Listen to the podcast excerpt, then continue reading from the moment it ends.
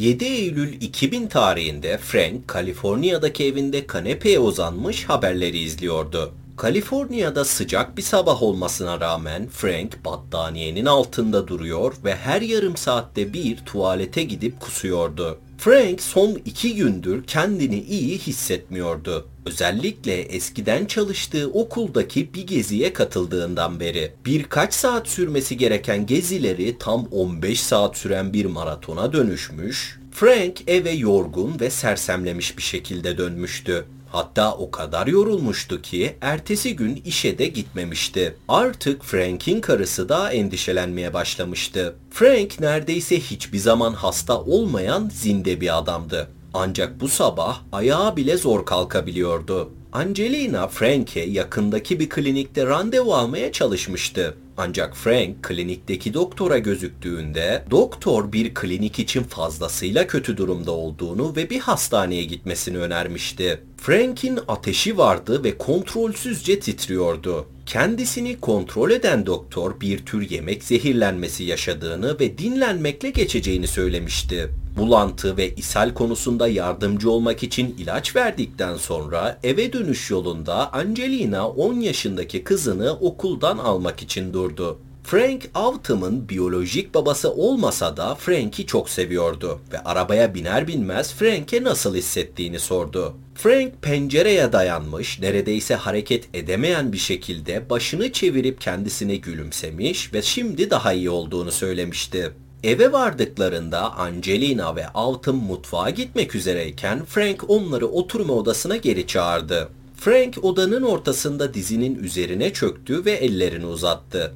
Bir araya geldiklerinde küçük bir daire oluşturdular ve Frank gözlerini kapatarak yüksek sesle dua etmeye başladı. Frank tesisatçıdan şoföre her meslek dalında çalışmış ve kimseyle çok uzun süre görüşmemiş veya bağ kurmamıştı. Sonra ise Angels Gate Akademi'de bir rehber öğretmeni olarak iş bulmuştu. Los Angeles'ta bir arazide bulunan bu yer 4 hafta boyunca askeri disiplin altında barınmak zorunda olan sorunlu gençlerle doluydu. Ve Frank bu işi o kadar çok sevmişti ki görev süresi bittiğinde danışmanlık diploması almak için okula yeniden kaydolmuştu. Frank'in Angels Gate'i bu kadar çok sevmesinin en büyük nedeni orada tanıştığı bir insandı. 2020 yılının Şubat ayında tanıştığı Angelina Angels Gate'de idari işler bölümünde çalışıyordu. Frank ilişkilerinin cinsellikle ilgili olan kısmı için beklemelerini önerdiğinde Angelina bunu kabul etmişti. Başarısız bir evlilikten yeni çıkmış olan Angelina finansal olarak mücadele etmekten çok yorgundu. Ancak Frank çalışkan ve sadık biri olarak Angelina'nın güvenli bir yer bulduğuna inanmasını sağlıyordu. Frank ve Angelina tanıştıktan sadece iki ay sonra evlendiler. Yani o kadar da beklememişsiniz cinsellik için ama neyse. Frank duasını bitirmek için amen dedikten sonra gözlerini açtı ve Angelina ile Autumn'ın ellerini bıraktı. Sonra ise kanepeye oturdu. Angelina kendisini bir battaniye ile sardıktan sonra günün geri kalanı boyunca Frank tavuk çorbası kaseleri, su bardakları ve Angelina tarafından kendisine getirilen çay bardakları arasında gidip geldi. Saat 9'a geldiğinde Frank'in durumu hala berbattı ama hafta sonu için daha iyi olma planları vardı. Bu yüzden Angelina'ya iyi geceler öpücüğü verdi ve yatak odasına gitti. Frank yatak odasına gittikten sonra Angelina televizyon izlemeye başladı ve koltuğun karşısında uyuyakaldı. Ancak saat 3 civarı uyandı ve yatak odasına gitme zamanının geldiğine karar verdi. Yatak odasına girdiğinde Frank yatakta değildi. İlk başta banyoda olmalı diye düşündü. Ancak banyoyu kontrol ettiğinde ışığının kapalı olduğunu gördü. Yine de kapıyı açsa da Frank orada değildi. Şaşıran Angelina odaya gelip yatağın diğer tarafına baktığında Frank'i yüzüstü yatarken gördü.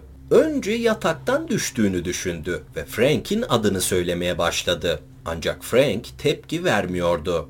Angelina Frank'e yaklaştığında nefes almadığını fark etti. Bu yüzden hemen 911'i aradı. Sağlık ekipleri ailenin evinin ön kapısında Angelina tarafından karşılandı. Gözleri ağlamaktan kızarmış ve şişmişti. Frank'i kontrol ettiklerinde artık soğumaya başladığını ve nefes almadığını gördüler. Angelina ekiplere Frank'in son birkaç gündür gıda zehirlenmesi yüzünden hasta olduğunu söyledi. Ancak genel olarak Frank'in sağlığı iyiydi ve bu gıda zehirlenmesinden iyileşmek için doğru şeyleri yaptığına inanıyordu. Uyuşturucu geçmişi veya intihar eğilimi de yoktu. Adli tıp ekibi Frank'i siyah bir cenaze torbasına koydu ve otopsi için laboratuvara götürecek olan arabaya yükledi. Angelina kocasının ani bir şekilde gıda zehirlenmesinden öldüğüne asla inanmıyordu. Ancak ne polis, ne paramedikler ne de adli tıp ekibi Angelina'ya kocasının neden öldüğünü anlamasında yardımcı olmamıştı. Birkaç dakika sonra kardeşinin ölüm haberini annesinden alan Frank'in kız kardeşi Angelina'yı kardeşinin ölümü hakkında daha fazla şey öğrenmek için aradı. Carmen kardeşinin kolay kolay hasta olmadığını biliyordu. Bu yüzden ani ölümünü sorgulamak için aramıştı. Ancak buna kimsenin cevabı yoktu. Angelina telefonla konuşurken Carmen'ın herkesin kardeşini sevdiğini söylemesi üzerine aklına bir şey geldi. Angels Gate'de bir öğretmen olan Chad, Frank'in kendisini öğrencilere karşı cinsel tacizde bulunmakla suçlaması sonrası başlayan bir soruşturmanın ardından Angels Gate'den ayrılmıştı. Sonrasında Chad'in işine devam etmesine izin verildiğini biliyordu ve bu suçlamanın ardından Frank'ten intikam alması çok uzak bir ihtimal değildi. Frank'in öldüğü gün gerçekleştirilen otopsi sonuçsuz kaldı. Frank'ten önce yaklaşık bin otopsi gerçekleştirmiş olan adli tıp uzmanı Frank'in boğulma veya nefes alma sorunlarına işaret eden tüm ihtimalleri eledi. Frank'in ayak parmakları arasında ailesinden gizlice madde kullanıyor olabileceğini gösteren iğne izleri de olumsuzdu. Kokain, eroin ve esrar için yapılan kan testleri de negatif sonuç verdi. Adli tıp uzmanı kalp, akciğer ve böbrekler gibi ana organlarda da bir hasar belirtisi arasa da yine her şey normal görünüyordu. Adli tıp ekibi Frank'in ölümünden birkaç gün sonra ölümüne neden olabilecek toksik kimyasalları aramak için çiftin evine geri döndü. Ancak çiftin evinde buldukları tek kimyasallar böcek ilaçlarıydı ve bu ihtimali dahi değerlendirip testler yapsalar da alınan sonuçlar yine negatifti. Ayrıca arsenik ve siyanür gibi yaygın zehirler içinde yapılan testler yine negatifti. Adli Tıp Bürosu fikirlerinin tükendiği ve yerel polisin zaten vakaya ilgi göstermediği bir noktadaydı. Frank'in ölü bulunduğu gece bir cinayet dedektifi bile göndermemişlerdi. Frank'in ölümünden birkaç gün sonra ziyaret edilen Angelina, dedektiflere artık bir soruşturma başlatmanın tam zamanı olduğunu ve kocasının birdenbire hastalanıp ölmesinin hiç mantıklı olmadığını söyledi. Angelina çok ısrarcıydı ve kocasının ölümünden bu yana günlerdir her gün şeriflik departmanını arayarak kocasının ölümü hakkında bir soruşturma başlatılmasını istiyordu. Ancak Angelina'nın aramaları gün geçtikçe bir cinayet soruşturması talep eden acılı bir eş gibi olmamaya başlamıştı. Her aramasında daha spesifik olmaya başlıyor ve kimin gerçekten şüpheli olması gerektiğini açık açık belirtiyordu. Angelina evine gelen dedektiflere Frank'in sağlığındaki ani düşüşün Angels Gate'de yani eski iş yerinde görev yaptığı bir okul gezisinin ardından başladığını belirtti. Frank o günkü geziden eve geldiğinde çok yorgun ve bitkin hissetmiş, hatta ertesi gün bu yüzden işe gitmemiş ve bir daha da toparlanamamıştı. Angelina'nın dedektiflere söylediğine göre bu gezide Chad suçlamalarını geri almasını istediği Frank'i zehirlemiş olabilirdi.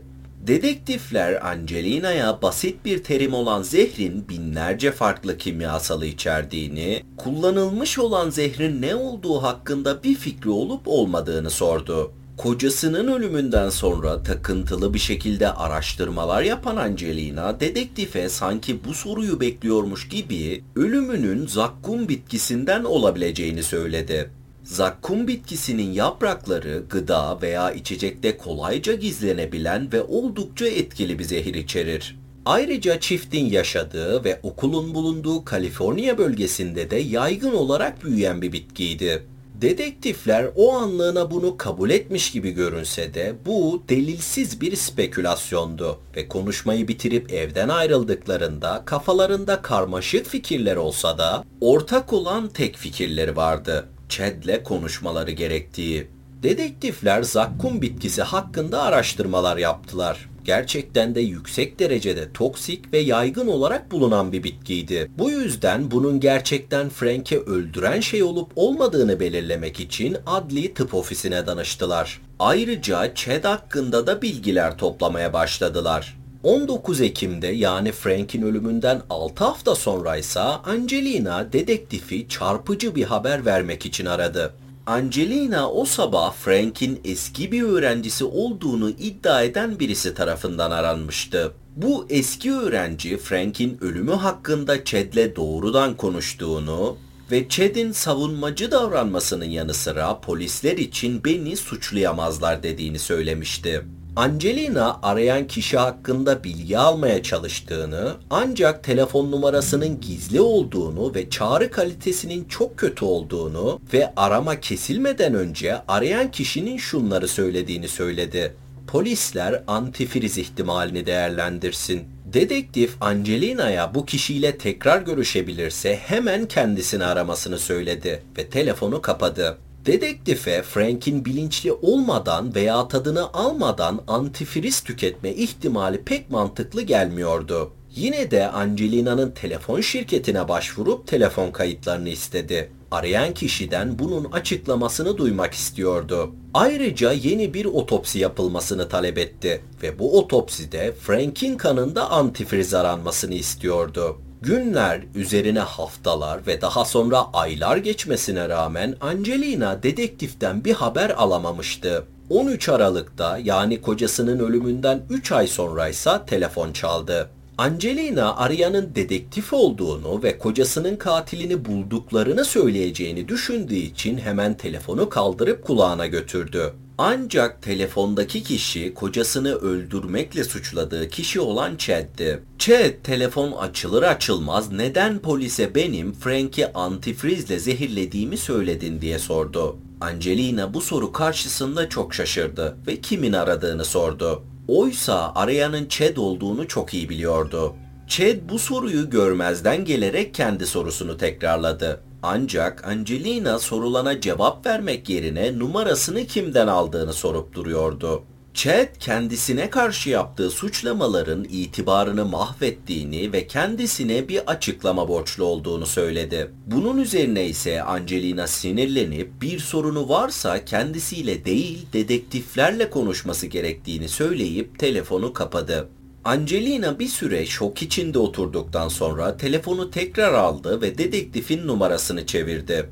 Telefon açıldığındaysa Chad'in kendisini aradığını ve kendisini sahte söylentiler yaymakla suçladığını, hatta aramanın sonunda kendisine tehditler savurduğunu söyledi. Dedektif aynı şeyin tekrarlanması durumunda Chad hakkında ciddi adımlar atabilecekleri sözü verdikten sonra sakin ve sabırlı olmasını ve işlerini yapmalarına izin vermesini istedi. Sonunda 2000 yılının 24 Aralık günü ise dedektifler laboratuvardan gelen test sonuçlarını aldılar. Zarfın içindeki test sonuçlarını açıp göz gezdirmeye başlayan dedektifin gözleri büyümüştü. Frank'in kanında gerçekten de ölümcül düzeyde antifriz bulunuyordu. Hatta vücudu bile bu kimyasalla dolup taşmıştı. Gözlerinde, kalbinde ve midesinde antifriz vardı. Dedektif test sonuçlarını aldığında bir kez daha Angelina'dan yardım istemeye karar verdi ve 2001 yılının Ocak ayında dedektif Angelina'yı arayarak Frank'in Chad tarafından zehirlendiğini iddia ettiği gezide görevli olduğunu gösteren yazılı bir kanıtı olup olmadığını sordu. Angelina böyle bir belgeyi Frank geziye çıkmadan iki gün önce gördüğünü söylese de tüm evi aramasına rağmen böyle bir belge bulamamıştı ve bu telefon görüşmesinden 2 hafta sonra 5 Şubat 2001'de soruşturma ekibi soruşturmada başka bir kırılma noktası yaşadı. O gün Los Angeles Cinayet Departmanı'ndaki faks makinesi öğleden sonra çalışmaya başlamış ve anonim bir faks çıkarmıştı. Acil olarak işaretlenmiş olan bu faks dedektife hitap edilmişti ve ilk sayfasında basit bir soru vardı. Chad neden hala serbest? Diğer sayfalardaysa Frank'in cinayetinden iki hafta önce düzenlenen Angels Gate gezisinde görevli olan personellerin listesi vardı ve Frank'in adı çember içine alınmıştı. Yani Chad'in Frank'in bu gezide görevli olacağını önceden bilmesi gerekiyordu ve yanında antifriz getirerek Frank'i zehirlemesi imkansız değildi. Bu son delil dedektiflerin Chad'e karşı kuvvetli bir dosya oluşturmalarında gerekli olan son şeydi. İki gün sonra ise dedektif Angelina'yı aradı ve gelen faks hakkında bilgi verdikten sonra Chad'i tutuklamaya gittiklerini ve eğer bu ana tanık olmak istiyorsa kendisini de almak için gelebileceklerini söyledi. Angelina hiç düşünmeden bu teklife evet cevabını verdi. Dakikalar sonra iki dedektif Angelina'nın arkadaşıyla birlikte kaldığı evin kapısına geldi ve Angelina dedektifleri içeri davet etti. İçeri girdiklerinde ise dedektif Angelina'nın masa üzerinde duran çantasına doğru yürüdü ve içine baktı. Ardındansa ortağına bakarak başını salladı. Çantanın içinde dedektifin beklediği gibi birkaç kağıt parçası vardı ve bu kağıtların içeriği bu davanın her şeyini değiştiren cinstendi. Angelina kocasının düşündüğü gibi bir kadın değildi. Frank'le evlendikten yalnızca birkaç ay sonra eski bir mahkumla ilişki yaşamaya başlamıştı ve arkadaşlarına anlattığına göre Frank'i parası için kullanıyordu. Angelina Frank'in ölümünden 2 ay önce Frank'i kendisine 250 bin dolarlık bir hayat sigortası yaptırmaya ikna etmişti. Böylece eğer Frank ölürse hayalini kurduğu maddi rahatlığa sonunda erişecekti. Frank'in hayat sigortası için başvurduktan birkaç gün sonra ise Angelina sohbet arasında bir arkadaşına evliliğinde mutsuz olduğunu söylemişti. Arkadaşı neden boşanmadığını sorduğundaysa eğer kocasını öldürürse hayat sigortasından boşanırsa alması durumunda alacağından çok daha fazla para alabileceğini söylemişti. Arkadaşı ise bunu bir şaka olarak algılayıp kendisine zakkum yapraklarından bir çay demlemesini önerdi. Angelina'nın o konuşmaya kadar zakkum bitkisinin zehrinden haberi olmasa da yan komşularının bitkiyi yetiştirdiğini biliyordu ve bundan birkaç gün sonra ise başka bir arkadaşı sıkıntı yaratan bir köpeği öldürme konusunda hayvanı antifriz içinde bekletilmiş sosislerle beslemesini önermişti. Angelina neden antifriz içinde bekletilmesi gerektiğini sorduğundaysa arkadaşı antifriz tatlı olduğu için köpeğin sosislerin hepsini yiyeceğini ama içindeki zehrin köpeği öldüreceğini söylemişti. Angelina bu bilgiyi de kaydetmiş ve Eylül ayının başlarına gelindiğinde sigortadan para alma planını devreye koymuştu. İlk önce Frank'e zakkum yaprakları içeren çaylar vermeye başladı. Bu Frank'i hasta etmiş ama öldürmemişti.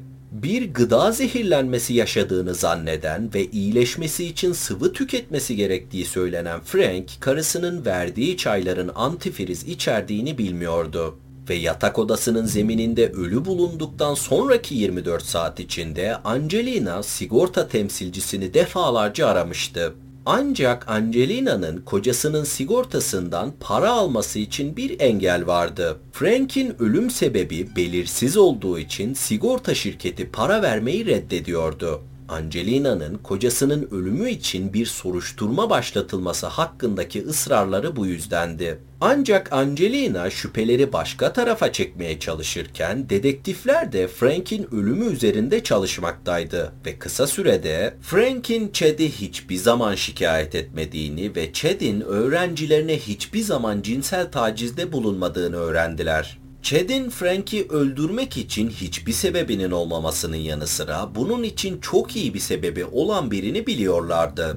Bu yüzden Angelina'nın hırsını kendisine karşı kullanmaya karar verdiler. Dedektif Angelina ve Chad'in yaptığı görüşmeyi zaten canlı olarak dinliyordu ve Chad'in Angelina'yı tehdit etmediğini, ayrıca Angelina'nın çoğu söylediğinin de yalan olduğunu zaten biliyordu. Şubat 2001'de dedektif Angelina'nın arkadaşıyla birlikte yaşadığı evin kapısını çalıp içeri girip Angelina'nın çantasının içine baktığında gördüğü şey cinayet bürosuna gönderilen faksın orijinaliydi ve bu da Angelina'ya karşı hazırlanan dava dosyasında ihtiyaç olan son şeydi. Şimdi söyleyeceklerim Angelina bir cinayet işleyecek kadar cani olduğu için sadece bir spekülasyon. Araştırmacıların inandığına göre bu Angelina'nın ilk cinayeti de değildi. Kocasının ölümünden sonra geçmiş dava dosyaları kontrol edilen Angelina'nın Alicia adında bir kızı daha vardı ve Alicia 1993 yılında boğularak ölmüştü.